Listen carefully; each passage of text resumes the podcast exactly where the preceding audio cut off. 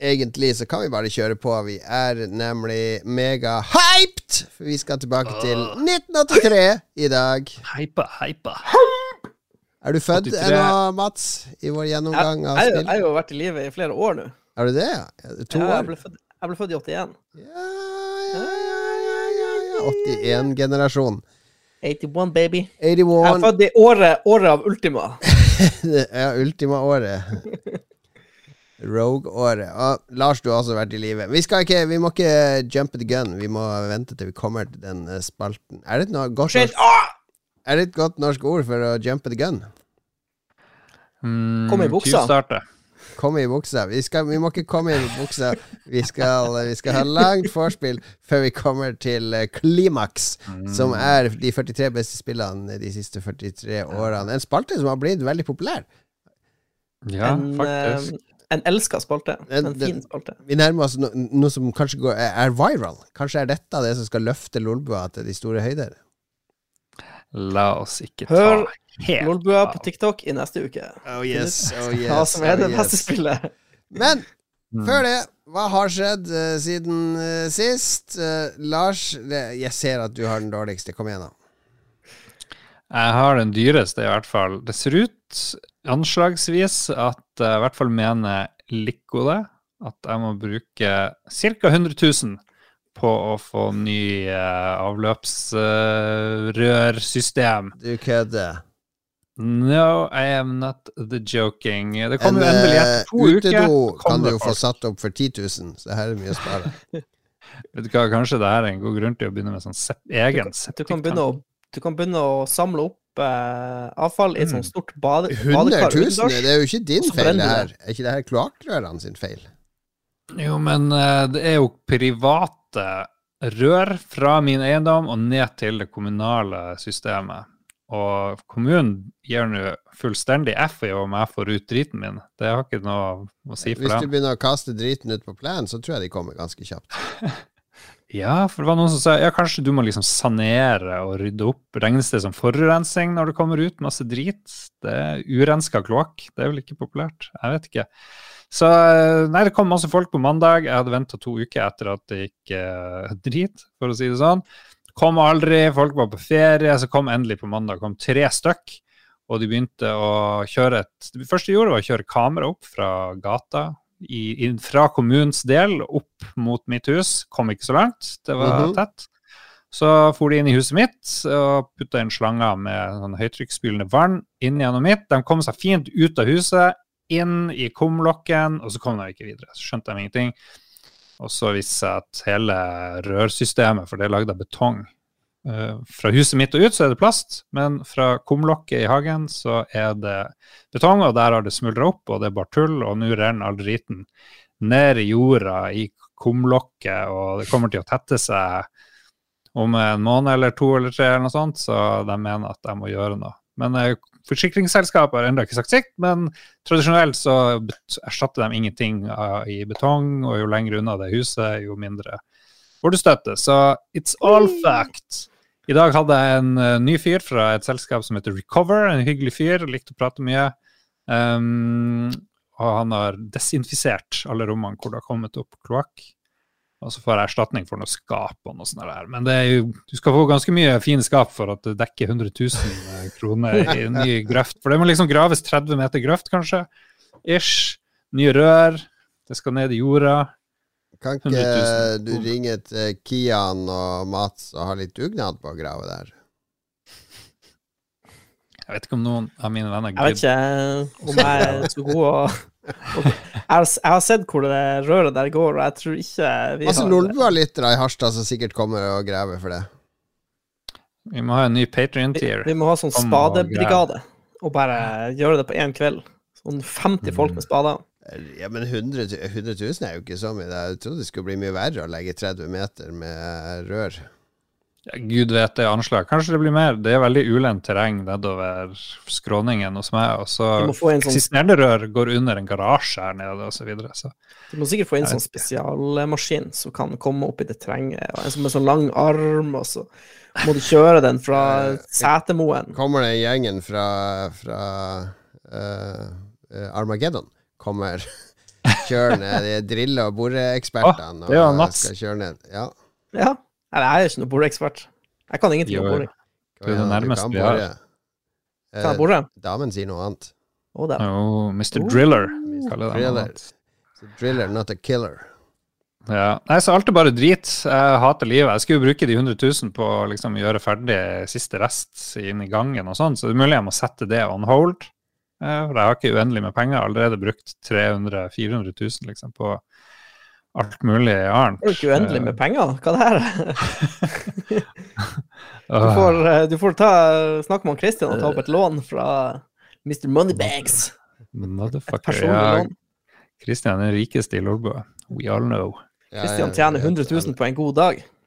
Mm. Minst. Minst 100 000 på en god dag. Ja, Vi har snakka om det i eh, nyeste Roffelbua, som jeg var med og lagde i helga, fordi eh, jeg og Ståle har laga en ny episode av Roffelbua.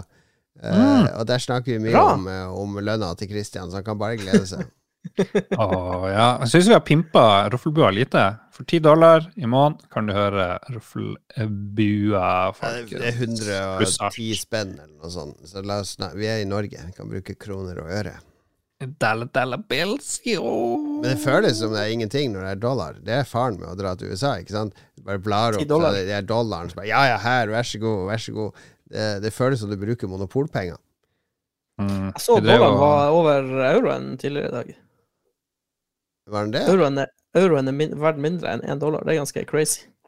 Valuta news. Valuta- det var en nyhet nei, eh, Jeg skulle fortelle om retro. retro Jeg og Ståle dro nemlig på retromessa i helga. Uh, og da spilte vi inn en episode av i bilen. Retromessa, hva er det? Eh, Retromessa er en årlig happening i Sandefjord, halvannen time utafor Oslo. uh, der uh, Masse gamle gubber samles og har det moro. Ja, det er stort sett gamle gubber. Så er det mange som har med seg barn. Og så er det noen få eh, damer òg, da. Innimellom. Men uh, det, det er jo Før så het det Retro-spillmessa, nå heter det bare Retromessa. Jeg tror de prøver å omfavne litt sånn leketøy og andre geek-kulturer òg, men det var nesten bare spill der. Og så får de inn noen sånne Ja, hva? Ja, kjendiser. Nei, jeg, jeg ville bare skyte fort inn. Går an å dukke opp med en sånn laserdiskspiller og masse laserdiskfilmer og, og være med på retromessa? Det var ikke noe sånt i år, men eh, hvem vet hvor det går. Det var i, Det var i Runarhallen i Sandefjord, den kjente Runarhallen. Det var der eh, Runar Søgaard gifta seg med Carola i sin tid. Og eh, der Jeg tror på det. Vi Jeg tror 100 på dette. Vi, mye, vi ned. Dette spekulerer mye i Runarhallen i, i denne episoden. Så det er inni en sånn eh, gigantisk gymsal, da. Og så er det sånne salgsboder der du kan kjøpe masse gammelt ræl. Uh, og så er det også noen som er der som har liksom har strikka sånne nerdeting som de selger sånn hjemmelagde, som er litt sjarmerende. Og så er det sånn Elkjøp-vegg, og så er det noe T-skjorte, og så er det masse sånne gamle maskiner og eh, CRT-skjermer som er stilt ut, så du kan spille originale vekttrekksmaskiner og eh, en Pippin. Vi spilte maraton på en Apple Pippin-konsoll som var en helt grusom kontroller, og så spilte vi Doom på en Atari Jaguar. Det er litt gøy Det er litt gøy å ta på og føle og se, se disse gamle spillene i levende livet. Det, det er faktisk litt Ja. gøy. Jeg blir jo Jeg veldig mett en- veldig fort. Ja, jeg har lyst til å prøve det. Jeg har aldri prøvd en Jaguar, tror jeg. Jeg har lyst til å prøve en 3DO. Jeg- Jeg, jeg husker da jeg var liten, da. bare det der 3DO så Ja. ut som verdens kuleste maskin. Greia er at uh, liksom, jeg har ikke lyst til å prøve Atari Jaguar, for i hodet mitt så Det eneste jeg opplevde av Atari Jaguar var i de PC-bladene, og Ja. det så ut som verdens beste ting. Og jeg tror hvis jeg prøver det i virkeligheten, så blir den illusjonen smadra i tusen milliarder Den biter. eh, Ståle holdt på å besvime av den kontrolleren, for den ser ut som en sånn der uh, gammel telefon. Sånn der bordtelefon med litt sånn kontrollerfunksjoner på, for den har masse sånne taster i midten.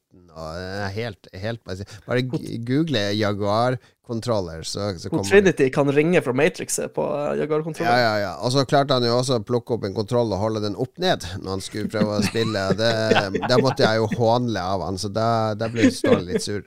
Men vi koste oss veldig. Ståle kom og henta meg, vi kjørte ned i lag. Vi hadde jo ikke sagt til noen at vi skulle dit, for det, det er jo andre Lolbua-familiefolk der. Kristian er jo der. Håkon eh, Puntervold og, eh, og Adrian fra Spill.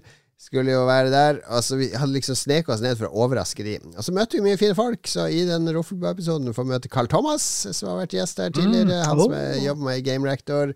Kjernekar, han uh, møtte vi der. Snakka litt med. Vi møtte, ja, vi møtte litt av hvert. Vi møtte noen Level Up-fans som kjenner meg igjen og ville ta bilde. Altså, Der Ståle kupper hele samtalen med han der stakkars Level Up-kiden som helst vil snakke med meg, men Ståle bare avbryter hele tida. Fantastisk. Det er bra. Mye gøy. mye gøy Og så er det den andre tingen jeg har fundert på i det siste, er um, uh, ja, Det er jo så dyrt med strøm nå her i Oslo, vet du. Vet du hva, Det er verdens letteste jobb å være journalist nå. Mm. Jeg har aldri hatt det så lett. Hver dag jeg er journalist, så sitter du i avisen og bare skriver 'Rekordpris på strøm i morgen!' Og så kommer morgendagen, skriver du 'Rekordpris på strøm!' Og så kommer ettermiddagen, så skriver du 'Rekordpris på strøm i morgen!' Og så kommer dagen etter. 'Rekordpris!' Det er hver dag! Det er hver dag! Nei, men- så melder de at i morgen blir det rekordpris! du glemmer av en veldig viktig ting nå, Jon Cato, og det er så mye koster en dusj akkurat nå. Så mye Så koster mye en fuckings dusj. Det er gratis med golden shower, kan jeg si. Det er bare å spørre, spørre noen snille tissetrengte folk, så kan du få dusje helt gratis. Det, det nevner de ikke. Men ja, det koster å dusje. Og konsekvensen av det er jo at uh, har jo, Vi har fullt hus her. Det er jo fem stykker som bor her, ikke sant. Det er en hel haug med folk som skal dusje hver dag. Jeg blir jo ruinert.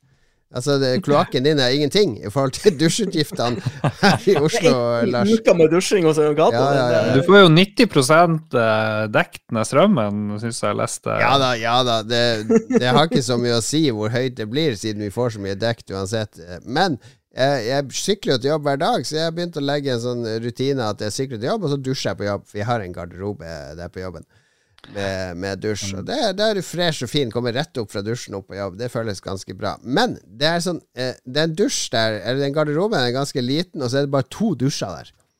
Eh, rett ved siden av hverandre. Altså Ofte er jeg der alene, men av og til så kommer det en annen også, som sykler eller har jogga, eller noe sånt, som skal dusje. Og hvis jeg er på gym eller på, på Sats eller på svømmehall og sånn, der er det mange dusjer. Så det er ingen problem å sprade rundt naken og dusje med flere andre mannfolk der. Men så er det bare to. Det blir veldig intimt. Vi står inne i et sånn lite rom under hver vår dusj. Jeg blir veldig var på at det er bare oss to. Eh, Brokeback shower. det, ja, det er et eller annet som jeg føler Altså, jeg- vet jo fra gammelt av, altså, homofile har jo mange sånne koder, ikke sant. Rødt lommetørkle i venstre baklomme, brunt lommetørkle i høyre baklomme, eh, det og det rundt halsen. Så det betyr mange sånne der, eh, seksuelle preferanser. Så det blir veldig var på er det ting som betyr noe. Så i dag, for eksempel, står jeg og og har sjampo i håret, står og gnir det inn sånn, og da spruter det litt sånn sjampo frem og tilbake, så går han akkurat forbi, for han er akkurat ferdig å dusje, så at jeg skvetter litt sjampo på han. Og så tenker jeg å nei, det betyr at jeg har lyst til å sperme på deg, eller noe sånt. Jeg blir veldig var på at jeg, jeg plutselig eh, aktiverer noen sånne homokoder. Ja. Og så står du jo med enorm ereksjon i dusjen òg, og det er jo kanskje Ja, det er veldig sjelden jeg har ereksjon i dusjen på jobben, og den blir ikke så enorm heller når den kommer. Ikke Men det, har dere tenkt på det? Hvis, hvis eksempel Lars sitt bad hadde to dusjer, hadde det vært greit for dere to å gå og dusje i lag, eller hadde det føltes litt sånn der awkward? Ja, jeg tror du er inne på noe med og det Det er noe en- awkward her, ikke sant? Hadde det vært tre dusjer og flere menn der, det hadde ikke vært noe problem. Men når det er bare to, det er en opplevelse som bare vi to deler. Det, det er noe intimt. Spesielt hvis dusjene er overfor hverandre, så du kan stå og dusje og Ja, stå det, det er det ikke. Det er heldigvis ikke. Det er det beste. Ta med deg blomster neste gang du er og skal dusje, og så gir du det til ham. Så ser du Nei, det, det er ikke så mye stress. Det er bare det, det, Jeg bare reflektert over at det er litt intimt å dusje bare to stykker sammen. Ta med en sånn flamingo eller en ananas, og så setter du den Da. Stapp ned ananasen din opp i ræva, eller dytt den ned i de der ødelagte rørene dine. Åh, ikke minn meg på de rørene, det er helt forferdelig. Vet du hvem du kan ringe så fikser det billig? It's a me, Mario! Where is all the poop, Lars? Eh, you have a you have a shit in your garden. I can Ja. dig in the pipe. I can dig in a pipe. Put in a new pipe for you. Gjør du det gratis, Mario, eller må jeg betale? Ah, it is a free for you, my friend. Just a friendly shower together. It's all I ask. A shower with you. Er vi der? Oi. Ok, Mario. Takk til deg.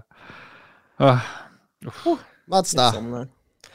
Eh. Um, jeg har ikke så mye interessant, men jeg har gjort en observasjon Ja. Uh, og det er Nå er sommeren Den går mot slutten i uh, Harstad, og jeg har uh, endra litt på garderoben. Og en ting jeg ser, er at vanlige sokker, det vil si ikke ankelsokker eller sommerlige sokker, men sånn vanlige sånn tennissokker, i Mm.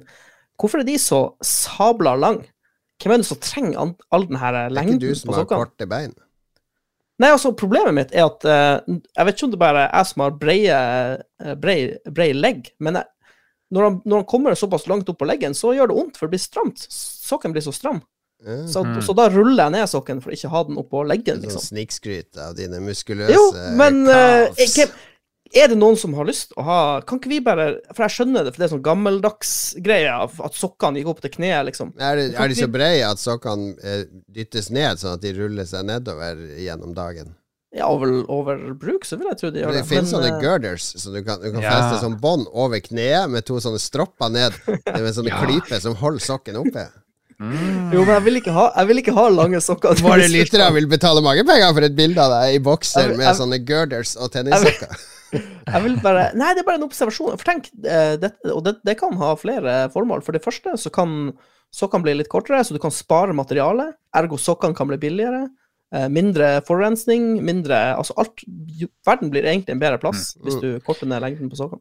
Men jeg merker, jeg vet ikke om det er fordi jeg satt mye, eller fordi kroppen er full av vann, men jeg drev og skulle trene etter å ha vært på jobb, og så tok jeg av sokkene, og så var det sånn merkbart tynnere fot der sokkene hadde vært, og så bare este det opp over der strikken Det var. kalles Det kalles kloakkfot.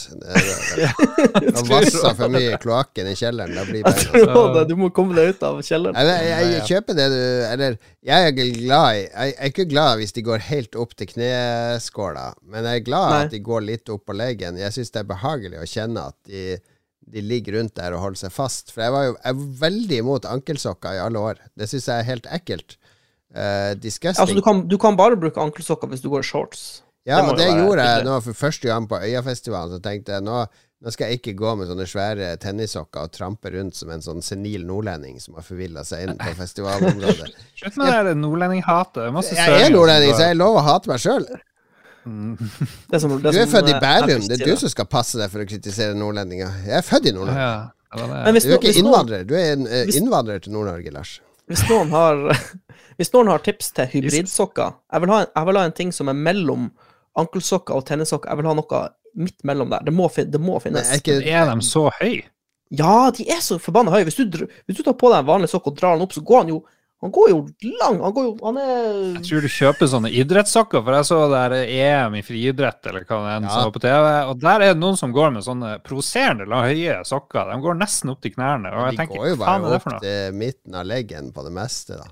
Ja, hvorfor ha så lange sokker? Skal være ja, okay, det, det er ikke artig lenger nå. La oss høre på litt uh, musikk. Takk for, takk for innspill.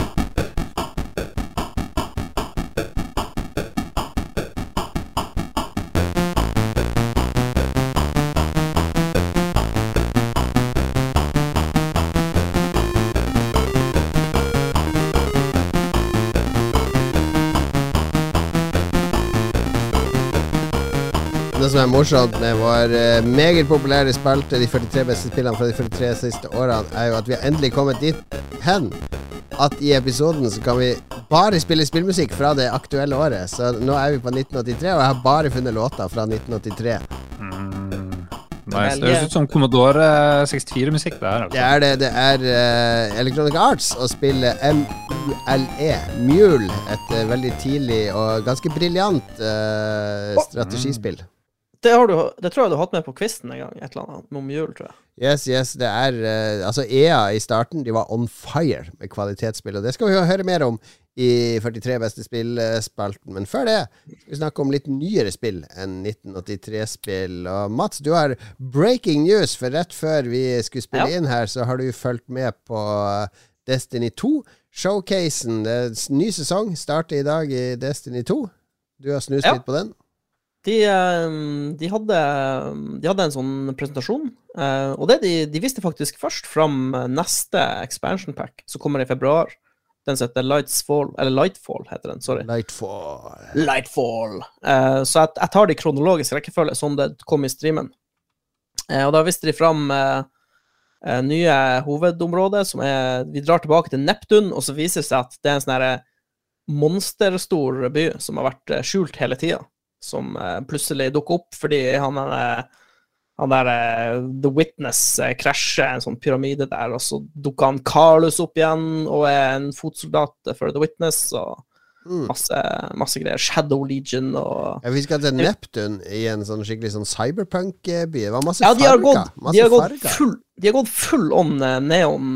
De har egentlig endra veldig på estet estetikken til spillet, vil jeg si.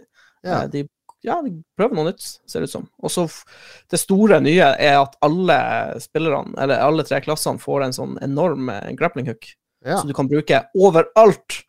Du kan til og med bruke den i Oi. lufta og grapple på absolutt ingenting, og bare fly videre. Så det, det kommer til å forandre movement helt. Altså. Grappling hook i eh, Destiny. Grappling Hook i Destiny, de, de sa at de begynte, de begynte med at de ga det til Hunteren. Men så var det så forbanna kult, og det endra så mye på hvordan du spilte spillet, at de måtte bare gi det til alle tre klassene. Eh, så det, det så ganske insane ut, og det tror jeg kommer til å Ja, altså, jeg tenker at bevegelse i spillet blir helt nytt, og de må jo sikkert eh, lage områdene med, med det i bakhodet, da. Jeg snakka med en katt tidligere i dag. Jeg driver og venter på Destiny 3. Jeg gidder ikke å hive meg inn i Destiny 2. Det, jeg Ja, føler det har lat langt. Det har skjedd for mye. Jeg tror, jeg tror bare du må late som at det er Destiny 3 i hodet ditt når du fyrer det opp. Fordi de, de driver hele tida og um, Det er på en måte Destiny 3, for uh, de driver hele tida og curater hvordan Ja, innhold de som er valgte tilgjengelig. Og, innhold og legger til nytt innhold, og nå som Ja. de introduserer En ting- grappling hook og alt sånt, så de, de utvikler jo spillet konstant. ja, Jeg de snakker garanterer at de jobber med Destiny 3, fordi den der Destiny 2 er jo basert på sånn Alt må funke på Xbox One og PlayStation 4 og sånt. Tror dere ikke Ja, at det er Det kan hende de tar et steg Jo. videre, men jeg tror ikke de Jeg tror ikke de scrapper alt og begynner helt på nytt igjen, sånn som de gjorde fra Destiny 1 til 2. Eh, det som også er litt gøy, er at til helga nå så kommer jo uh, Taken Nei, hva heter det? det, det Tek- kommer, eh, Kings Fall. Kingsfall-raidet, som vel var det siste raidet vi fullførte, uh, alle sammen. Ja, vi kan Eh, drepe The Taken King i, på nytt igjen. Oryx. He's back, baby! Eh, ja, det kan vi jo nevne kjapt. Eh, den nye sesongen som starter i dag, eh, heter Season of Plunder og har sånn her et pirattema. Eh, og så har de revampa Arke-klassene på, på alle tre klassene. Ja.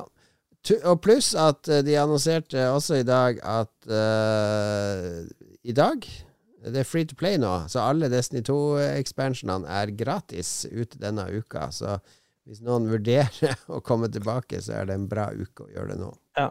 Det, var, det var to ting. Uh, dette Nå er vi igjen tilbake til den expansion packen som kommer i februar. Men det var, det var to ting som var interessant, og det er faktisk to ting de snur litt på. Og det var for Den første er at eh, de introduserer endelig matchmaking i spillet. eh, LFG-funksjoner osv.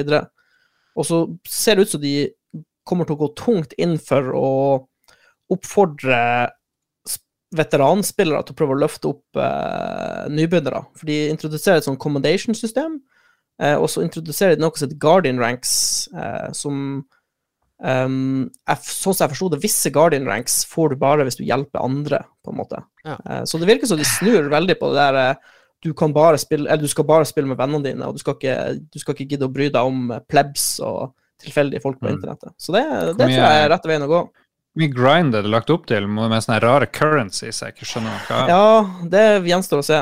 Uh, fordi det, det eneste jeg har lyst på i Destiny, er at de endrer på det champion-systemet, sånn at du kan bruke alle champion-modene på alle våpen. Fordi det, det er det som har drept meg hver gang nå i Destiny, er at du må liksom å, Hvis du skal drepe en barrier-champion, så må du, ba, du må, kan bare bruke en pistol. Du kan ikke bruke SMG eller hagle eller ja. Hvis de endrer på det, så er jeg tilbake og klar. Og det var Destiny 2-nytt eh, for denne uken. Men det her var jo ikke være nytt i spillverdenen. Det her er jo hva har du spilt i det siste spillet? Jo, men jeg har, ikke, jeg har ikke spilt noe i det siste, derfor tok jeg meg noe nytt. Herregud, Lars som drev Men Herman er Mats, han PC Master Race, han spiller dobbelt så mye spill som begge oss til sammen. men- Kommer til å bli en verdifull jeg kan- asset til Lolbu. Jeg kan, eh, jeg kan komme med en smakebit til neste uke. Jeg har, har spilt eh, Jeg har fyrt opp uh, Bannerlord, og så driver jeg og tester ut litt modder. Så eh, til neste uke så får vi den mest Mm. nerdete som finnes, som er modda til Mountain Blade 2 Bannerlord. Jesus lord. Spill noe nytt. Det er sånn survival-spill som er kommet nå. Kan ikke du spille det, Nei, men- Mats? Det er Nei, en stor Men det er viktig. Vi må, vi, må, vi må spille spillene vi allerede har, og når det kommer mods til spillene, så må vi teste det ut, folkens. det er ikke- det er Jeg har dessverre ikke spilt noe mer eh, Pokémon Jesus Survive. lord! Ja, ok. Jeg har ikke- ikke spilt noe mer Pokémon Survive, men jeg har lyst til å gjøre det. Men jeg har så vidt spilt noe, det er Jetpack Joyride 2.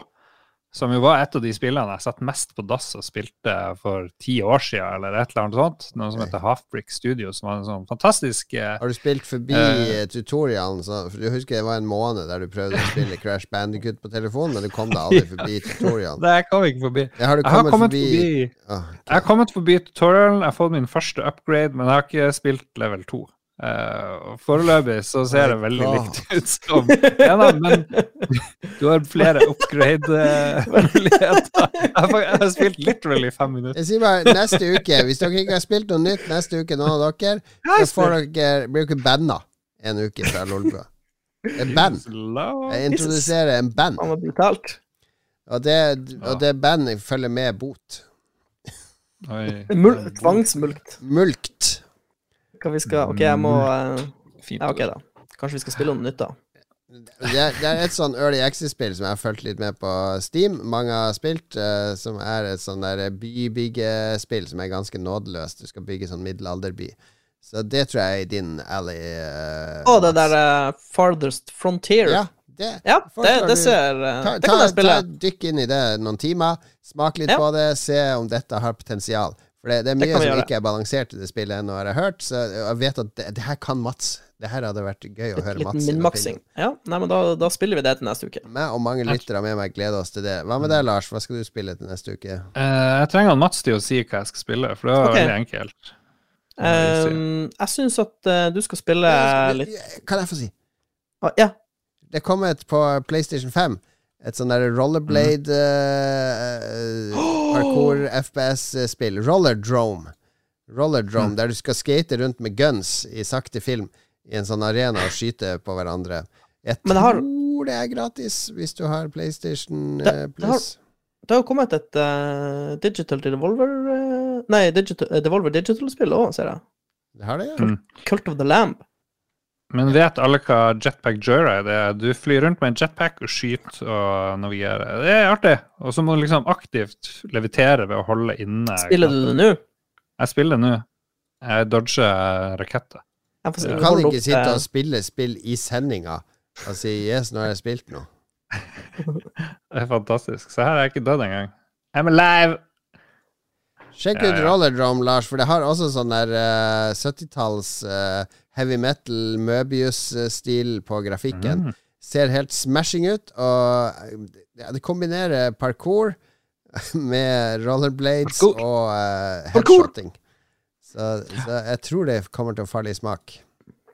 OK, da har jeg to ting å prøve. Har ikke Thank fått you. hjemmelekser? Jeg har spilt uh, både nytt og halvnytt. Jeg, av en eller annen grunn eh, Ja, fordi hvis jeg og Ståle snakka litt om uh, Forza Horizon 5, har jo fått en sånn Hot Wheels expansion nå nylig i august. Uh, forrige Forza Horizon 4 så kom det en sånn Lego-expansion. Så plutselig, midt i den der, eh, fotorealistiske verden, så var det sånn Lego-bane som du kunne kjøre inn på. Så var det masse sånne Lego-mission og sånne ting. Og nå har de gjort det samme i Mexico, som jo er åstedet for Forza Horizon 5. Vanligvis så kjører du sportsbiler på denne festivalen på et sånt kart der det er så mye å gjøre på det kartet at du blir helt matt. Men de har laga sånn Hot Wheels der du skal kjøre på sånne baner. Du vet du bygger baner i sånn plast og looper og sånn, så skyter man Ja, ut. det ligner jo på det der spillet hvor du kjører sånne ville baner. Trackmania. Trackmania. Mm. Men så blir jeg sittende og tenke på det her i bilen når jeg og Ståle snakka om det, at uh, jeg hata jo Forza Horizon 5 når det kom. Jeg klaga masse på det i da det kom. Og så tenkte jeg, hvorfor hater jeg det spillet egentlig? Jeg burde jo like det. Jeg har glemt hvorfor jeg hater det. så jeg tenker, la, la meg starte fra scratch på Forza Horizon 5, og så prøver jeg denne Hot Wheels-greia, for det ser jo ganske gøy ut. Jeg spilte i fire timer spilte jeg i helga. Jeg var forvist opp hit fordi min eldste sønn hadde venner på besøk nede til brettspill, så jeg måtte sitte der oppe med Stakkars meg. Måtte sitte i mancaven min og gjøre akkurat hva jeg ville. Men Får du ikke lov å være med og spille brettspill jeg kan ikke blande med ingen som vil ha Hadde du syntes det var gøy hvis far din var med og spilte Shadowrun? Tja, Da vi satt i kjelleren der. Nettopp. gud vet. Nettopp. Men jeg, jeg begynte på Forza Horizon 5, begynte på nytt. Dette er jo gøy. Fet grafikk, gøy å kjøre.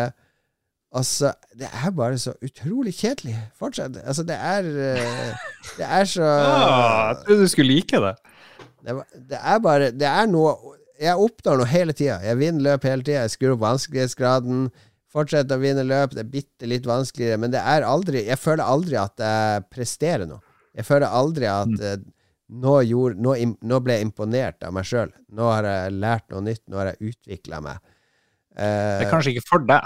Du må spille Formel 1 og sånn. ja, men jeg tenker Jeg sammenligner med Formel 1. Ikke sant? Formel 1 så jeg og kjører i Miami nå, skal kjøre løp. Jeg har kjørt i flere timer på Miami for å lære meg banen. Lære meg hvor mye gass Altså ser jeg på YouTube-videoer der de analyserer banen. Hvor mye gass skal man ha gjennom den svingen? Hva er optimal linje? Hva hvordan bør vingene være innstilt? Osv. Driver og tuner bilen, driver og kjører, kjører, kjører, lærer meg banen. Sånn at når jeg, når jeg kjører en bra runde der, så føles det som en prestasjon. Jeg ser hvor jeg kjører perfekt. Jeg ser hvor jeg har forbedringspotensial. Mens i Forza er det bare å drive og, slide gjennom et sauegjerde over et jorde, smelle ned masse trær, krasj, bong, tikke inn skill points uansett hva man gjør. Alt er jo en skill i dette spillet. Det, det, det er bare en eller annen Det er sånn meningsløs tidsfordriv. Og så ser det pent ut. Jeg har lyst til å elske å kjøre rundt og utforske den verden, men det er ikke noe utforsking. For det hele tida så går du bare på kartet, og så velger du deg neste aktivitet, og så, og så følger du bare den blå streken. Jeg vet, jeg vet hva, hva Forza Horizon trenger. ja. Player invasions. At du blir invadert av en sånn monstertruck som bare så jager deg, så må du rømme fra den monstertrucken. Det kunne vært litt gøy, men det skulle vært litt gøy hvis de tok bort hele kartet og bare finner tingene sjøl. Altså, de har Ja. ingen tillit til at jeg som spiller er nysgjerrig. Og så har du alle disse skripta løpene du skal kjøre, der uansett hvor bra eller dårlig du kjører, så kommer du til sånne punkter der det alltid er de der du kjører mot, kommer hoppende over i kryss, eller nesten treffer deg, og sånne ting, for at det skal, skal se jeg, jeg føler meg bare lurt og svindla av det spillet, og den Hot Wheels Expansion stinker bæsj. Så slutt med de Forsa-spillene. Slutt med Forza-spillene. Jon Cato liker ikke dette spillet. Legg ned hele serien. Men jeg har spilt noe bra òg. Det heter Neon White, og det er ganske ny. Nytt. Det er et uh, parkour, førstepersons skytespill, eh, som også er er mye parkour. Som også er uh, Det er Annapurna som har gitt ut, så det er alltid kvalitet. Men det er også et sånn der eh, speedrunning-spill. Fordi levelene eh, kan ta alt fra 8 sekunder til eh, 30 sekunder. Og du spawner på en sånn level der du skal løpe rundt, og så kan du plukke opp sånne kort som gir deg ulike våpen, automatpistol, pistol. Og de har alltid en sånn ekstra funksjon. Du kan discarde de kortene, f.eks. pistolen, så får du et ekstra jump i lufta, men da mister du pistolen.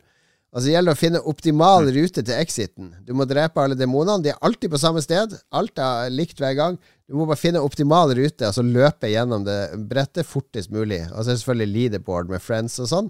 Og jeg ble jo helt hekta med en gang. Fordi første brettet eh, brukte jeg 30 sekunder på, så ser jeg på leaderboardet. og en av kompisene mine har det på 12 sekunder.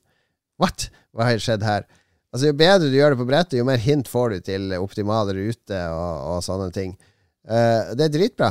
Det er helt sykt bra. Du er Storyen er at du er død, og så er du fanga i sånn limbo. Og hvis du skal komme deg til himmelen, så må du vinne ut og drepe masse demoner og sånn. Det er litt sånn Totalt uforståelig handling, tipper jeg.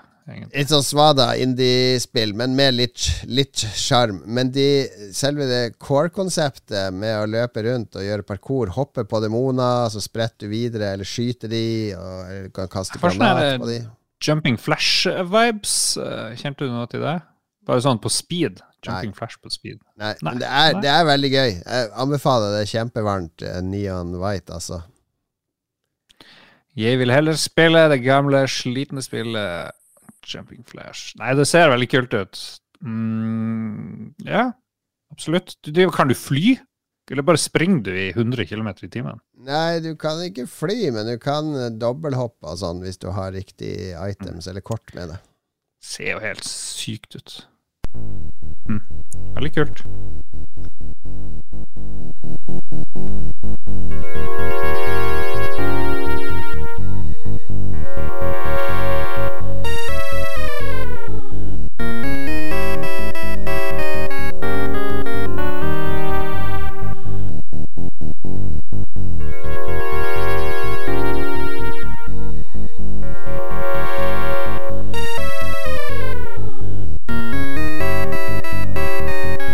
Høre musikken fra Arkadeversjonen av Spy Hunter.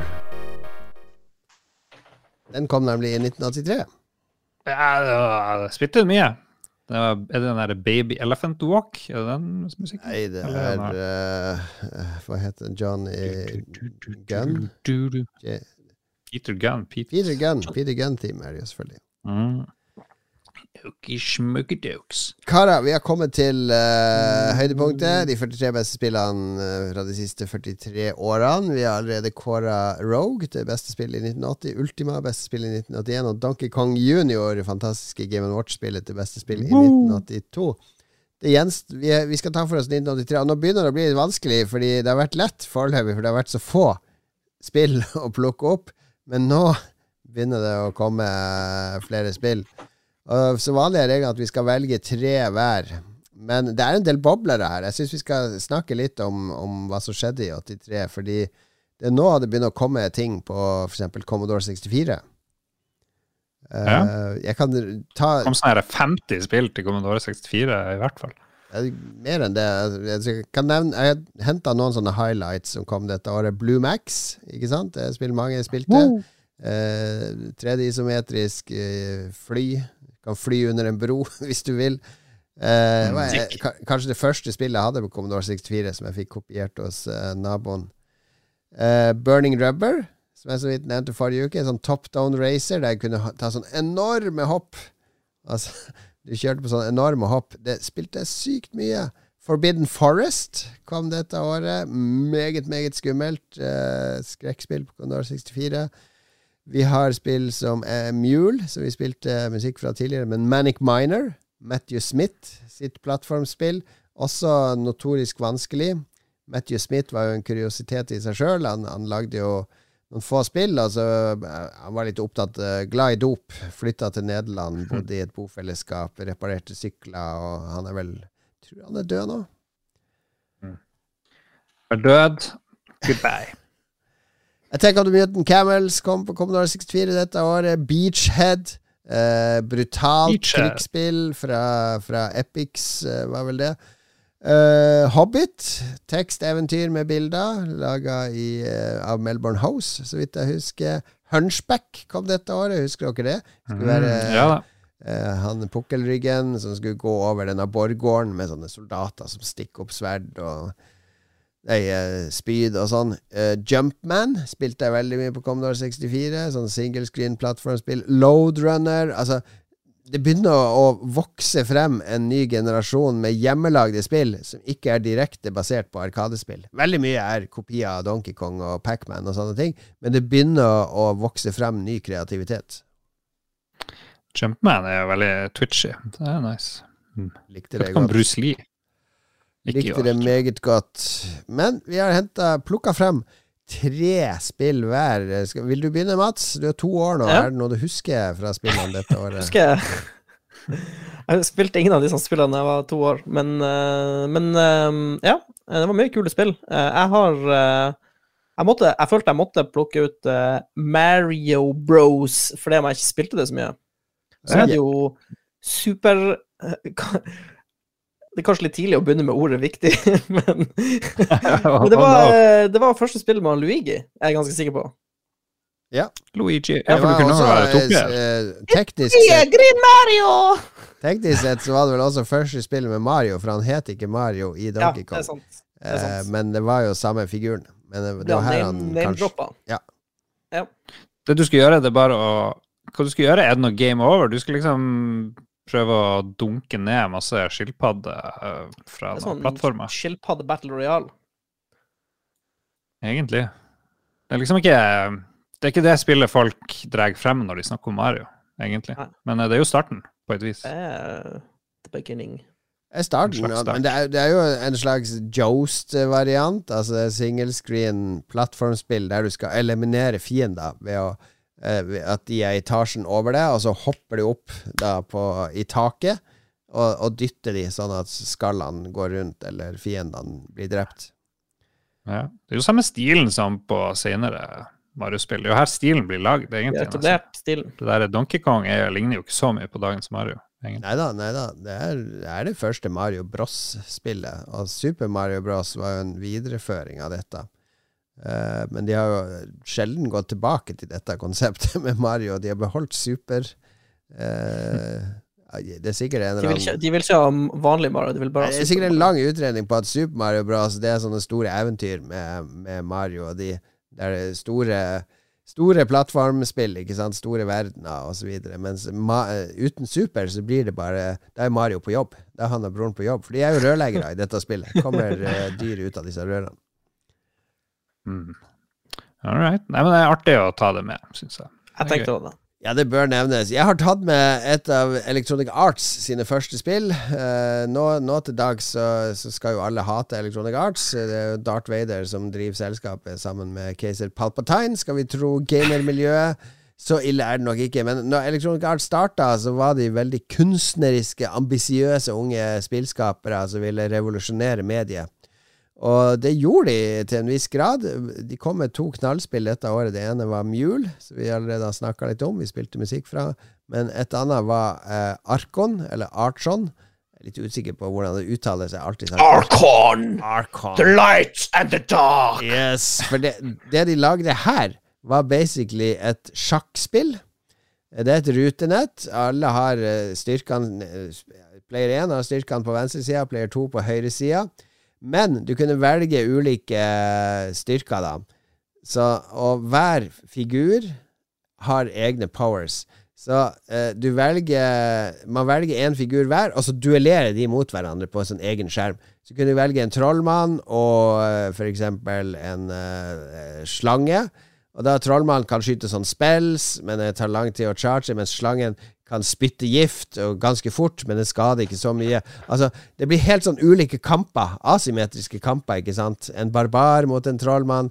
Hver brikke måtte slåss mot hverandre, og da styrer man hver sin brikke. Så skillen din med å styre disse brikkene var like viktig som strategien. Ja. Og det var For meg er dette en sånn fantastisk måte å tenke Ok, vi har sjakk. Fysisk sjakk. Det er det vi kan gjøre med disse brikkene. Men hva kan vi gjøre med en digital versjon av sjakk? Det er sånn kreativ lekenhet i måten de har bare tatt sjakkonseptet og gjort det til et dataspill. Et arkadespill. Så jeg elska Arkon da det kom. Jeg hadde dessverre ikke så mange som orka å spille det med meg, så det ble mye spilling mot CPU-en og lillesøstera mi, som er alltid knust. Arkon Hmm. eh, kommer av gresk og betyr hersker, kan vi nevne. Jeg Korrekt. spilte aldri det der uh, spillet der. Det ser ikke kjent ut engang, men når jeg kikker på video nå, det, det er jo unektelig sjakk. Det er jo det. Mm. Det er veldig, veldig var veldig, veldig kult. Jeg har prøvd å spille det Jeg tror vi spilte det på en av våre, våre uh, Commodore 64 ett ball-show med og Christian. Uh, det er litt vanskelig i dag. Det skjønner jeg godt. Mi- Ja vel, er det meg, da? Skal vi se. Jeg drar frem eh, kanskje det første ordentlige pinballspillet som ser ut som ekte pinball, og det er, kom på Commodore 64 i 83. Det kom vel egentlig på Apple 2 litt før, eller noe sånt, så det er litt juks. Men eh, det, jeg ble med en gang hekta.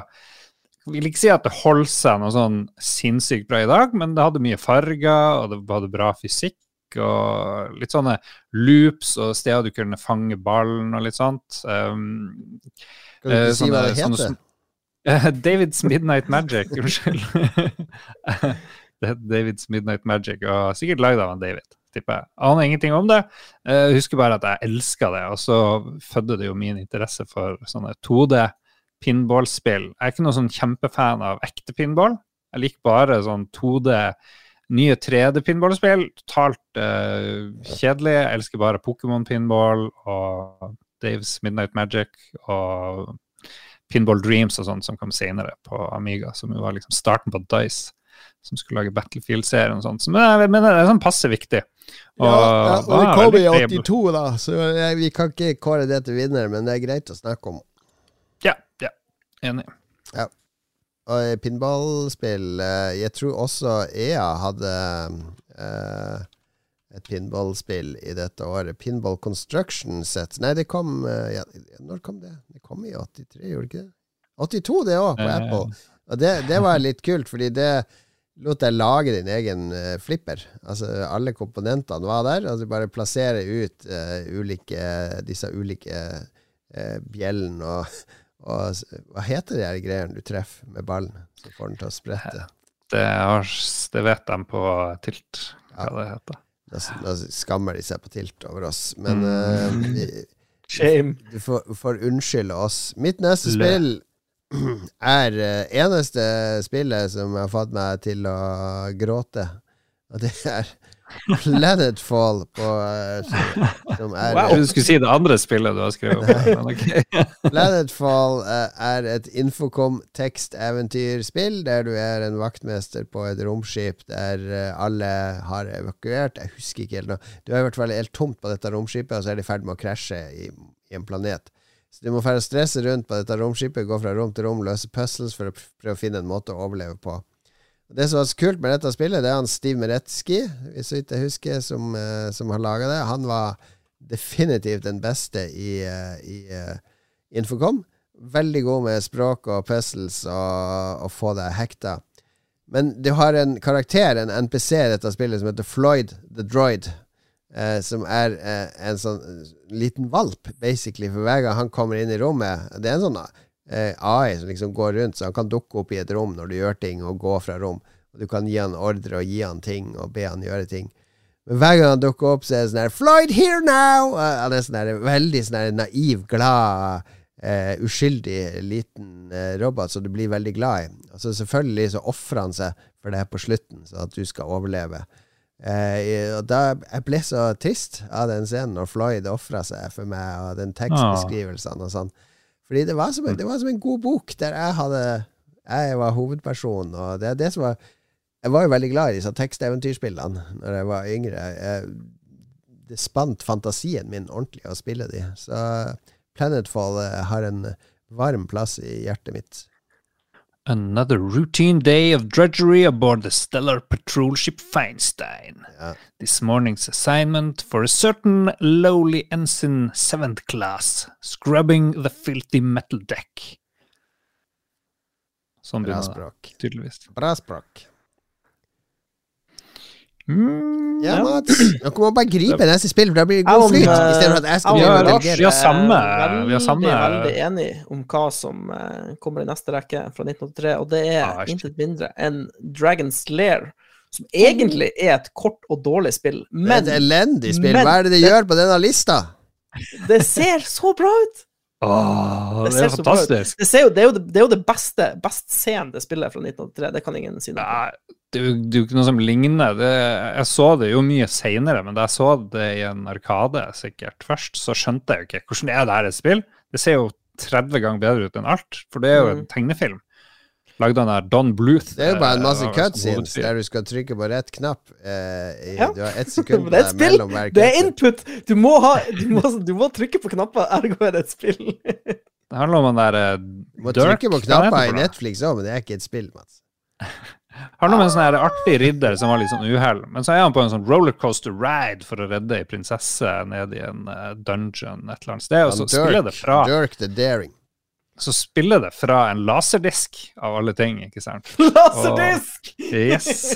Foreshadowing! Det kom masse laserdiskspill allerede i Ja, 83. Det var noen få, det var ikke masse. Det var det her og Space Ja, ja. Ace som Don Bluth lagde, og så kom det et sånn der uh, Firefox-spill basert på en Clint Eastwood-film, der de Ja, men det kom to oh! andre laserdiskspill i 83, så vidt jeg kunne finne ut. Så det var liksom en greie. Det Det kom og gikk. det var jo dritspill. Altså Når folk gjennomskua disse spillene, så var det jo ingen grunn til å spille de. Det var jo ikke noe Ja, men- skill, det var jo bare å memorisere. Ja, men De var jo populære, og det er veldig mange som husker de. Og da jeg var på sånn her eh, Det ferie i England, så så jeg jo dem ja, men det Her, var her lukter det beste spillet i 1983. Nei, det går ikke. Det er noen artige ting med Don Bluth var jo opprinnelig Disney-tegner og sånn, og eh, jeg husker jeg leste hun der Princess Daphne, eller hva hun heter. Hun, hun er jo ganske sexy tegna i dette spillet, mye mer sexy enn Disney-tegning brukte å være. Og de sa jo, de tegnerne, at de eh, de tegna av sånne Playboy Playboy pinup-shots og sånn, for hun, hun har veldig eh, Ikke sånne sexy poser, men det er mye sånn strøtting med bein og rygg og, og alt sånt som er tatt tegna rett ut fra Playboy. Jeg husker jeg drev og spilte det, og det var jo så vanskelig, men det så så kult ut, og så ville du se neste cutscene. Ja, det du var jo det alt handla om. Fordi han der Dirk han går nedover en gang, og plutselig så blinker det en eller annen input du må gjøre. Det er nesten Inputen for fort blinka heller ikke. Du måtte bare gjette på hva Ok, kanskje er det sverdet gjette. Kanskje skal jeg gå til høyre? Nei. Kanskje skal jeg gå til venstre? Nei. Ok, jeg må putte på en mynt til. Ja, ja. ja. Nei, det Og før i tida var jo cutscenes noe som var verdt å bare spille et spill for, for å se neste cutscene. Det var jo i stedet for TV og sånt, så måtte vi spille de spillene og se neste cutscene. Det, det, verste som fant, det verste som fantes eh, i gamle dager, var jo hvis du gjennomførte et spill, og så var det ikke en cutscene på slutten. Det var bare noe tekst. Det var sånn Motherfucker. Fuck you! Gi meg en cutscene! Jeg har gått gjennom hele spillet, jeg vil ha en cutscene. Så det var viktig. Det var ikke cutscene på disse gamle spillene, det var et bilde ofte på slutten. Jo, men det, bare det bildet Bare det bildet var Ja. viktig. Det er viktig. Endscreen, som vi Endscreen. kalte det. Ja, ta et til da, Mats. Eh, OK, jeg har tatt med et spill som heter Gyrus, eller Gyrus. Jeg er ikke Gyrus, helt usikker på- Gyrus. Gyrus! Gyrus! Det er, det, det er faktisk litt kult. Det skulle egentlig de var, Jeg tror de slapp det for seint. Det var det som gjorde at det ikke vant hjertene til alle. Men det er, det er, det er Space Invaders, bare at du ser det fra perspektivet til romskipet som forsvarer Space Mhm. Invaders. Så det, du står liksom og skyter ting som kommer opp og ned og snurrer. Og, ja, det er veldig kult spill. Det er jo han, Yoshi, hva heter han? Yoshiki Okamoto, mannen som senere designa. Street Fighter 2. Som, som lagde Gyrus. Og uh, det er et veldig kult uh, uh, grunnkonsept, det der med du snurrer i ring, og at du, du reiser liksom gjennom solsystemet vårt og hele den greia.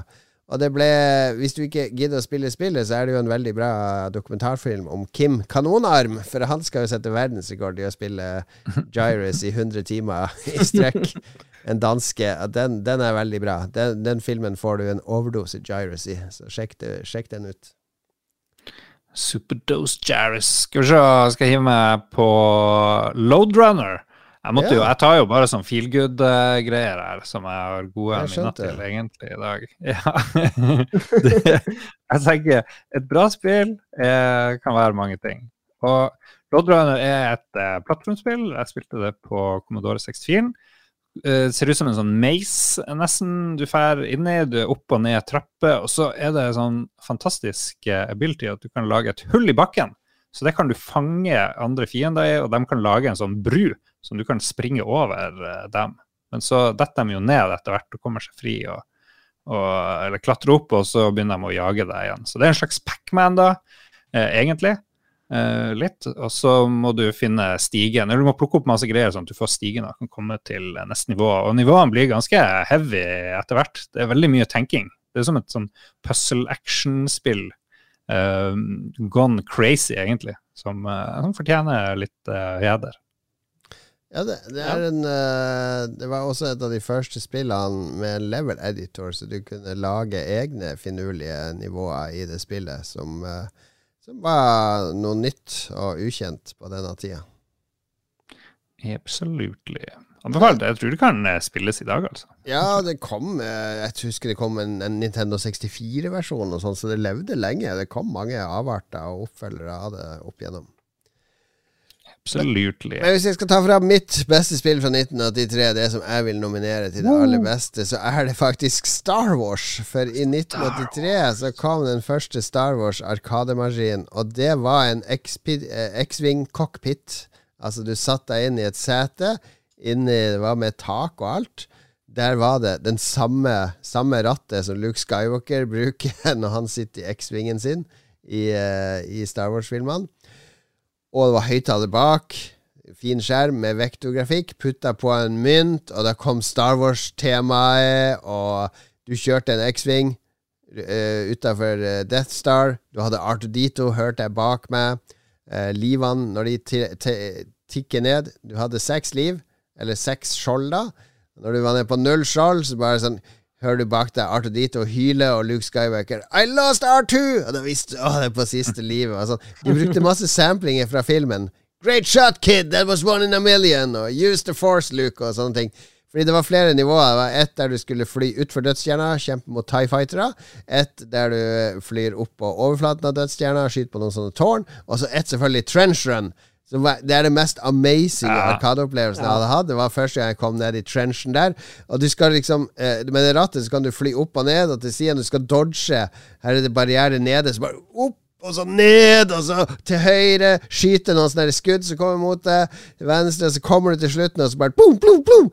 Det, det gjenskapte 100% autentisk den følelsen av å kjøre i trenchen som man så i filmen. Det var så mektig, det spillet. Det funka ikke i det hele tatt i Amiga-versjoner og annet som kom senere. Du måtte sitte i den arkademaskinen, og det var helt fantastisk bruk av vektorgrafikk, filmlisens og kreativitet. Jeg spilte det på Commodore 64 og syntes det funka sånn for så vidt greit, men det, det, mest kule var jo å fly For det virka som om det var helt smooth overgang fra fly in space og skyte Tie Fighter til du så dødsstjerna, så får du ned mot dødsstjerna, og så plutselig er du i trenchen ja, ja, ja. og skyter det. Så akkurat kult. den greia der var veldig kul. Så det hadde jo allerede kommet til ET, så det var liksom ikke første sånn her uh, filmlisens-greie. Uh, første greia, bra men, filmlisensen. ja, det kan godt hende. jeg hadde, hadde, faktisk tenkt å ha Atari Star Wars på lista mi, men jeg så at du hadde det, så da ja. tenkte jeg vi var safe. Nei, men hva, hva, skal vi si, da? Vi, vi, kan, vi kan, ikke ha Davids Midnight Magic som vinner. Det kom året før. Mario Bros. Ja, ikke så bra, egentlig. Eh, kanskje ikke Bros. Jeg tror For meg så er det, er det um, uh, Dragons, Dragons Lair eller kanskje Star Wars. Men liksom, jeg føler ikke at noen av de spillene er sånn der wow, det her er liksom jeg føler 82 var kanskje sterkere år. Spillteknisk så er det mye mer som står seg i Star Wars og baner vei videre, fordi Dragons Lair har jo ikke det er ingen spill som har latt seg inspirere, eller som Dragons Lair har vært startskuddet for en ny sjanger eller nye teknikker eller måter å, å, å oppleve spill på, i det hele tatt. Alle spill etter hvert fikk jo cutscenes da, og animasjoner og sånt. Så det var jo Cutscenes var det allerede i Donkey Kong i 1981. Ja, ja, ja. Det var en ja. gorilla som gikk opp og Og så hoppa han sånn Ble de plattformene skeive. Det var cutscene. Mm, jeg føler jeg bryr meg ikke så mye, egentlig. Hva sier du, Mats? Hva sier du, Mats? Jeg, har lyst til å si Star Wars. Da er vi enige. Da blir det Star Wars. For en triumf. For the record, Lars, hva du vil ha valgt? Eller hva du velger? Jeg, jeg må jo si Dragonslayer, da. La oss kjøre og være Dissensen.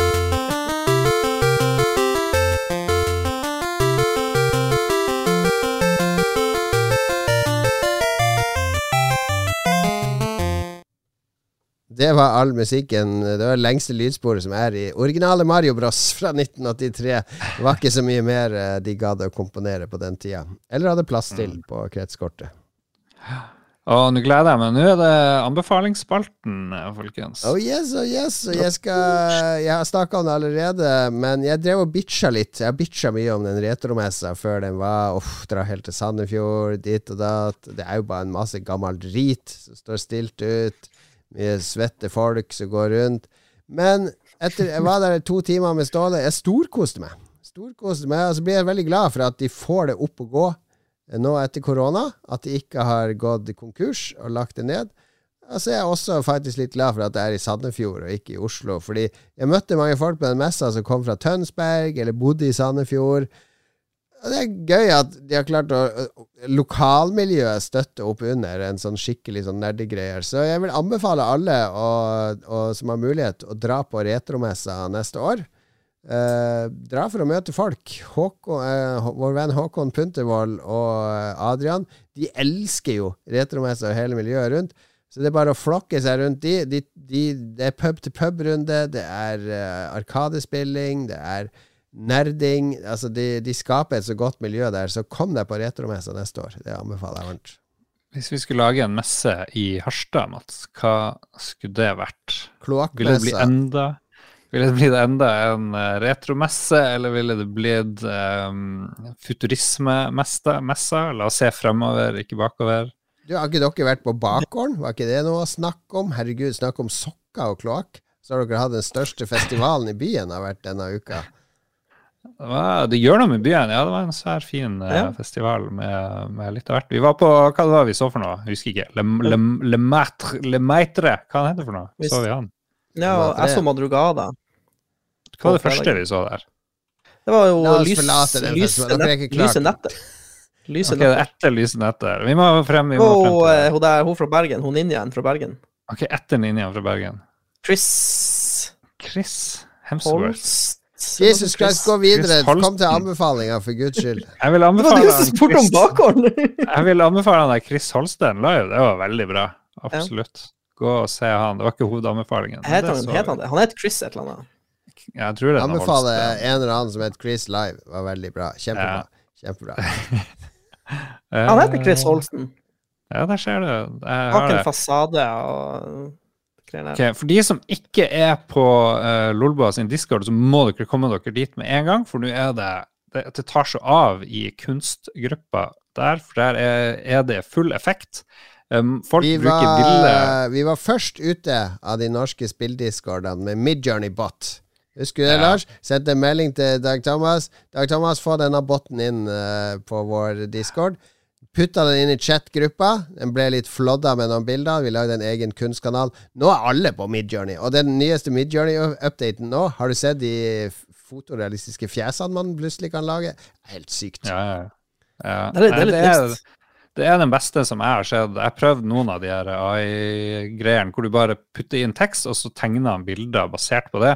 Sett noen helt forferdelige greier. Det her Midjourney er så sykt bra. Du kan skrive alt alt mellom himmel og jord, og så prøver AI-en å søke hvilke andre bilder finnes ut av det her, og så kombinerer han ting.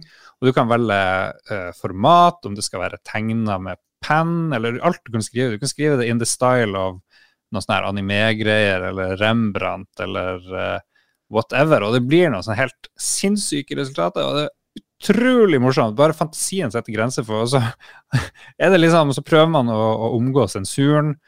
For du har ikke lov å skrive naked, og du har ikke lov å skrive sex og sånn, så det blir mye sånne eh, barnslige greier etter hvert da, for å prøve å få mest mulig provoserende ting. Uh, jeg vet ikke hvor PK det er å skrive uh, one extra chromosome, som folk har gjort, for å se hvordan uh, ulike folk ser ut med et ekstra kromosom. Det er litt sånn uheldig. Men det har vært mye Jesus, det er kamper mellom det gode og det onde, det er andre verdenskrig, og arkitektene prøver å lage de kuleste husene. og eneste er at etter 200 bilder sånt, så må du begynne å betale, og det er ganske dyrt. Hvis du skal unlimited tilgang, så må du betale 30 dollar i måneden, ellers kan du betale 10 dollar i måneden og få ganske mange bilder du kan drive og leke deg med. Og så kan du up, Hver gang du, du kommer med en input, kan skrive hva som helst, two grown men playing tennis on a, on a whale, så får du det, liksom. Så kan du velge ulik stil.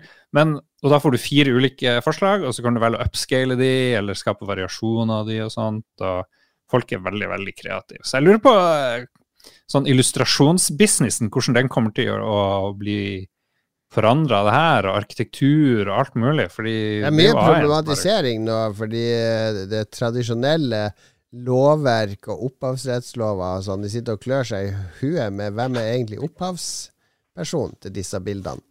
Uh, fordi Det elsker jo jeg, at det er en sånn gråsone at det er ingen opphavsperson. Dette kan bare alle bruke til hva, hva i helsike du vil. Uh, det er ingen ja, Jeg, jeg syns det er genialt. Det blir, sikkert, det blir sikkert noe konflikt der. Jeg ser at Midjourney skriver at så lenge du ikke jobber i et selskap som tjener mindre enn én uh, million dollar, eller har én million dollar i overskudd i året, så kan du bruke det her i profesjonell uh, business-sammenheng. Men kan du stjele bildene til noen andre, liksom? Går det an? Jeg vet ikke. Går det an å signere dem? ja. ja, det er Jeg tipper det er noen advokater som har et møte akkurat nå om AI-generert kunst, for å si det sånn. Ja, og for du, folk lager allerede tegneserier, de lager inputs, og så kombinerer de kanskje to bilder. De lager ett av en karakter, og så legger de dem inn over en bakgrunn, og så får de effekten de vil ha, og så lager de tegneserier ut av det og putter inn dialog masse rart. Så det der er i full sving allerede. Veldig kreativt og gøy. Hva med det, Mats? Hva er det du anbefaler?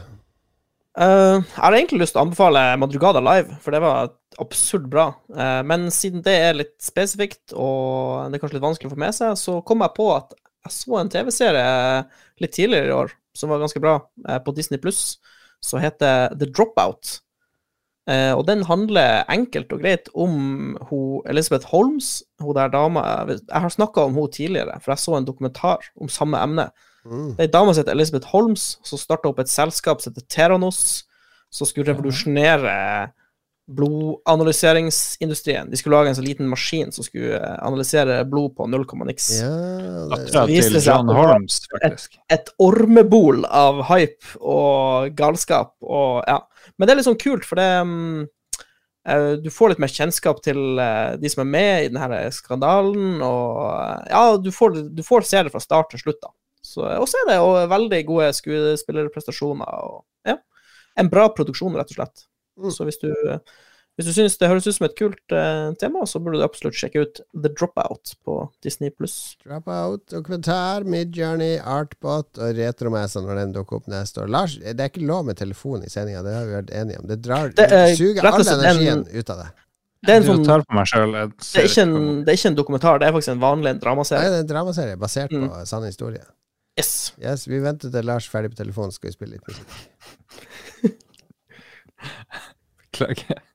I'm back.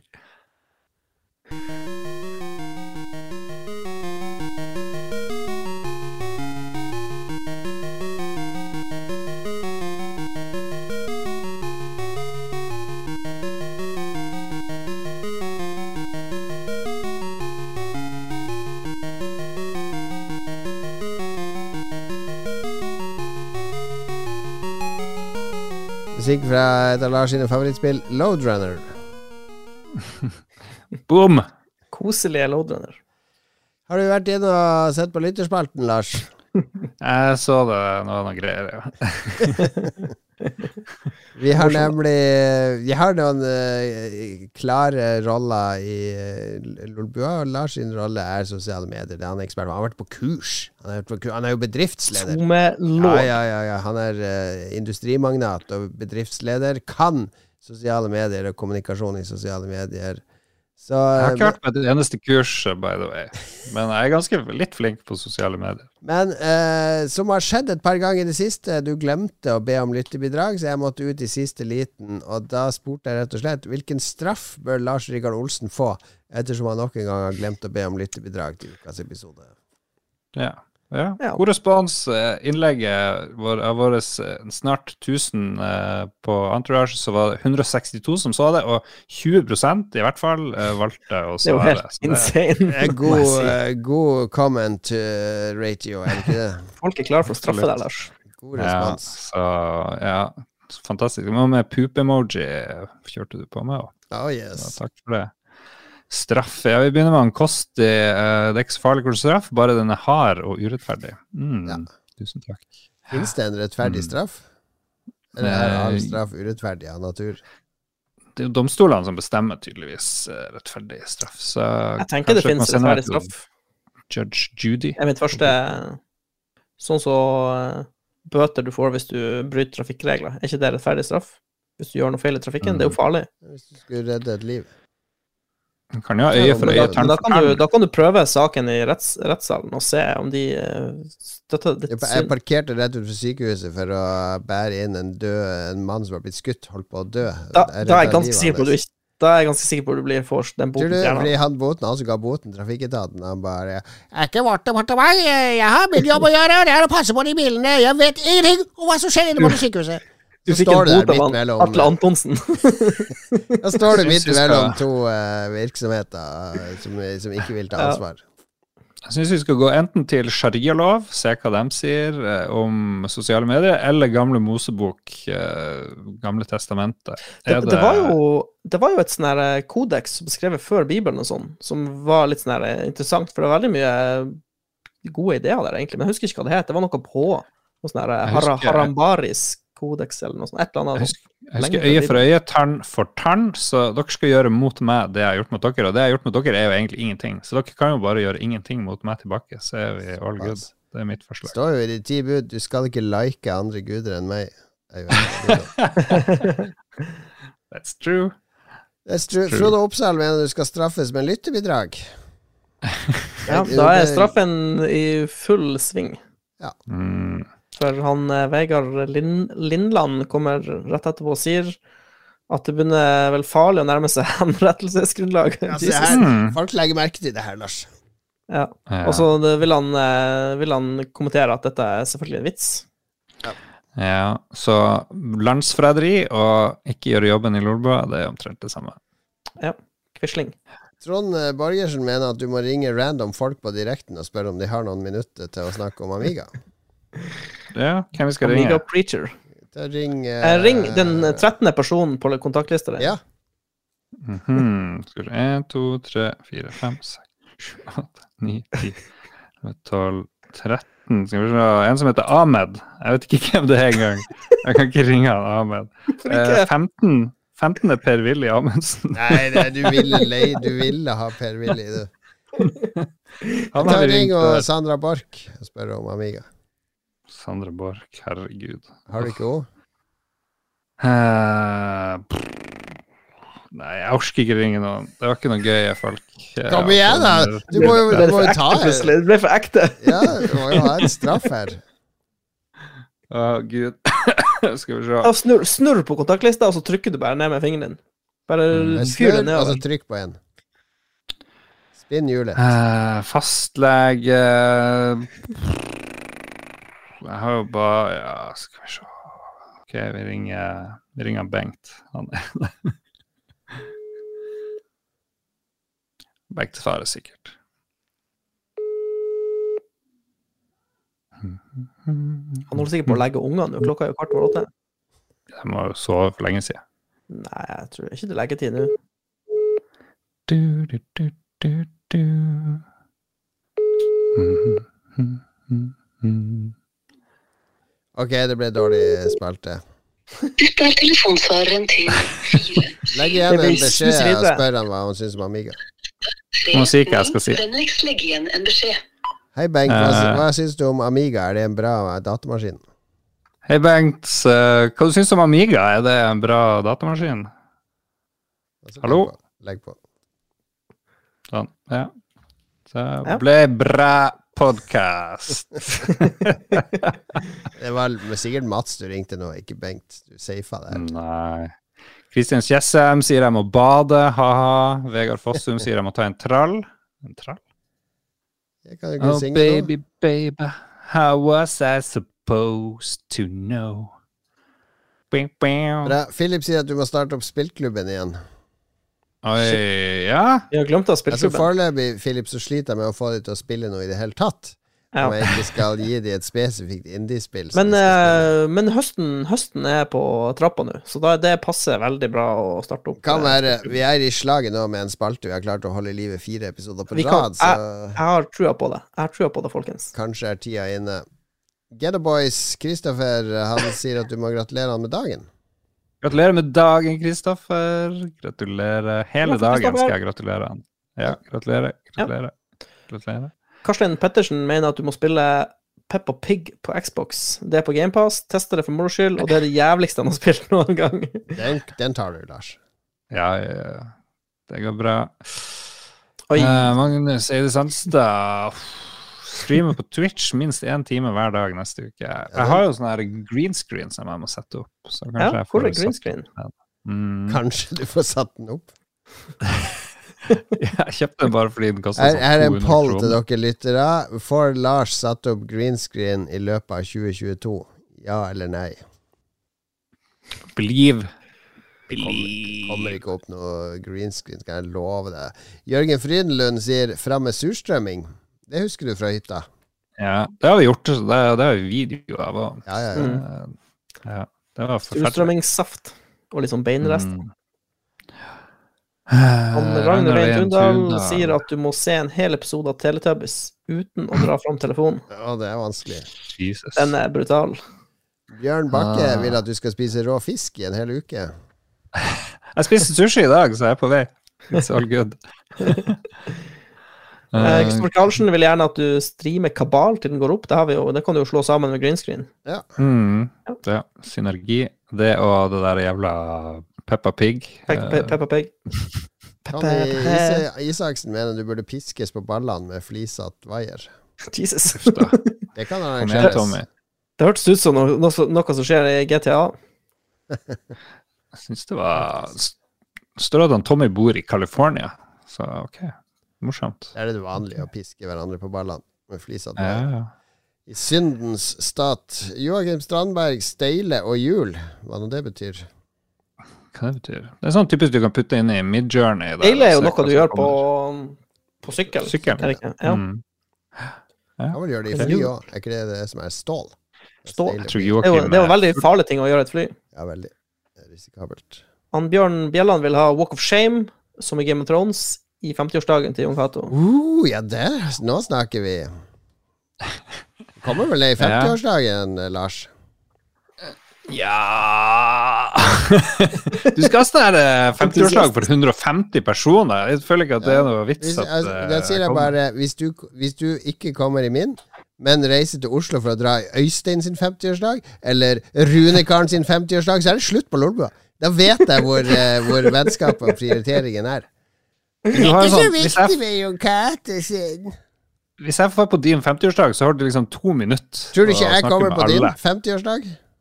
Jo, men jeg skal jo ikke ha sånn her eh, på et utested i Oslo med 500 gjester. Det, Jeg- jeg- det blir jo mer intim det, det spiller ingen rolle hva slags 50-årsdag du har, Lars. Jeg kommer. Jeg blir glad for å bli invitert, og så kommer jeg. Jeg sitter ikke og, og, og filtrerer den gjennom mine kriterier. Er det på et bra utested? Hvem andre er det som kommer? Er det noe, er det noe viktig Premier League-kamper den helga? Det, det, det, er ikke sånn man sitter og responderer på en 50-årsdag. Man tenker 'oi, så hyggelig, min gode venn blir 50 år'. Det skjer en gang i livet. La meg bestille billett. Hvor er, hva, hva er billigst? Hvordan kan jeg komme ned dit? Gud, for eh, pressure. The pressure, the pressure. Uh, komme ned dit. Da skal du faen meg Jeg skal varte deg opp. Det blir nachspiel på Blaze. Jesus. Oh. Uh, En Og nachspiel på Blaze, Pettersen eh, Så vil at du skal straffes med tommelen opp i ræva. Det er ikke noe straffe, Lars. du må, du må si det med mer Du må si det med mer innlevelse, Jon Cato. Ja. Tommelen opp i ræva, så klart! Bra. bra. Ja, han, han skriver det på sånn skikkelig sånn her Lasse og Geir-språk. Tommel opp i ræva! Tommel opp i ræva! Sånn, ja. Ja.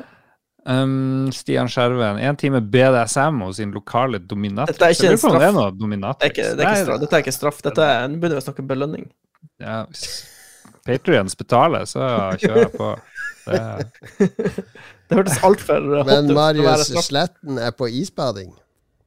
Oi. Ja, nå er vi tilbake på straff Ja. igjen. Det er bra. Mhm. Her har vi noe uh. som eh, litt à la Bjørn Bjelland. Eh, han må gå naken gjennom Kanaboggen-senteret, mens jeg går bak og roper 'shame'. Med en middagspølse i hånden. Da. Da kommer politiet på ganske kort tid, Uh. og så blir han Lars registrert som sex offender. Så jeg tror ikke vi må Kall det performance. Ja, Hmm. ja kanskje det går, da. Uh, Håkon Putte var like it. Tre shotter med ratseputs. Det, Det er faktisk en straff. Da er kvelden over for min del. Frank Tord Mm, Hansen, du må ringe alle patrions og komme med en ektefølt beklagelse på direkten. No. Det er veldig lang episode. Ja. Mm, og til slutt, Carl Thomas. eh, Den mest fornuftige lytteren vi har. Jeg tror ikke straff er løsningen her. Jeg tror dere bør finne det egentlige problemet, at Lars ikke har tid å løse det Det og gi sant. til oppgavene det kom noen på døra til meg, så vi dere får lande, lande det her. Vi lander det her. Vi lander det her. Der kom noen på døra. Hvem kom? Det kom sikkert en dominatrix til Jon Cato. Hva du tror Rett fra Blaze. Rett fra Blaze. Skal vi, eh, skal vi takke noen patrions? Er det det, er det der vi har kommet nå? Uh, ja, vi er strengt tatt ferdig med lytterspalten. Vi Så er det. Vi er det. eh, vi må jo takke våre fantastiske produsenter. Ja, hvordan Skal vi takke deg med en tommel opp i ræva? Skal vi, skal, vi, eh, skal vi takke alle i stilen av Lasse og Lasse Jeg og Hva heter den filmen? Lasse og Geir. Lasse og Geir? Litt sånn eh, Vi later som vi er fra Oslo, Lars. Vi, vi, vi er fra Oslo. Hva sier du, Kis? Helvete. Skal vi dra ned på eh, Oslo S og, og, og kjøre litt knark, eller? Jeg har hørt at han er TTMXMP, han er helt rå på knark. liksom Vi driver og takker Patrion som om vi er fra Oslo og Ja, ja, er i Lasse og Geir. Mm. God idé. Å, jeg elsker knarken på Oslo S, gutter! Det er beste knarken i verden! Jesus Men Christ. se hvem som kommer her, da. Er det ikke selveste Duke Jarlsberg med masse knarken i, i hendene? Å, i Levende? helvete. Mitt navn er TTMXMP. Tommel opp i ræva, Tete! Hvorfor hoppa du rett på han Duke Jarlsberg midt i, liksom Jeg, jeg nevnte allerede han TVTM eksempel. Du, Gjorde det? Fikk jeg ikke med meg. du ødela stryken, Lars.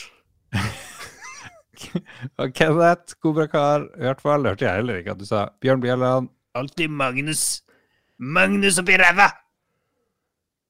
Men eh, vi må ikke glemme Bjørn, da. Bjørn Bjelland. Selveste. Vi har jo nevnt han Bjørn. Det er jo, det er jo du som sa han Kenneth Kobrakar. Jeg er borte i tre minutter. Alt rakner. Og La- og Lars, han snakka ikke bare om knark, han tok Alt knark. rakner. Alt rakner. Vi, vi, jeg, vet du hva, nå løper jeg inn i Forbidden Forest, og så kaster jeg fra meg headsetet. Dere takker alle nå, ikke sant? Ja, opptil flere ganger. Det, det var noe rart der. Jeg vet ikke hva som skjedde. Vi havna i en rar dimensjon hvor ingen rekkefølge slutta å bety noe. Hva skal dere spille til neste uke? Jeg skal spille Ingen, ingen av forslagene. Du skal spille Far Out Frontier, Mm. og du skal spille Lars. Husker du hva du fikk i lekse?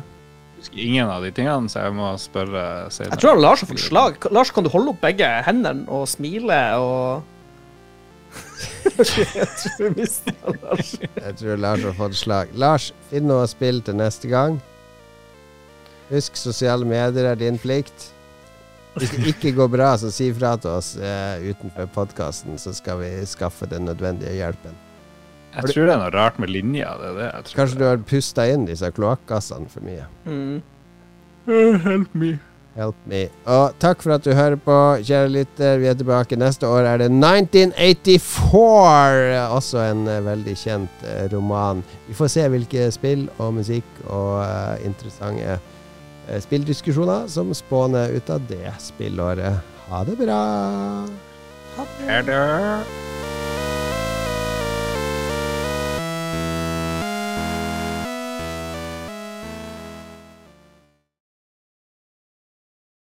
Har du et enkeltpersonforetak eller en liten bedrift? Da er du sikkert lei av å høre meg snakke om hvor enkelt det er med kvitteringer og bilag i fiken, så vi eh, gir oss her, vi. Fordi vi liker enkelt. Fiken superenkelt regnskap.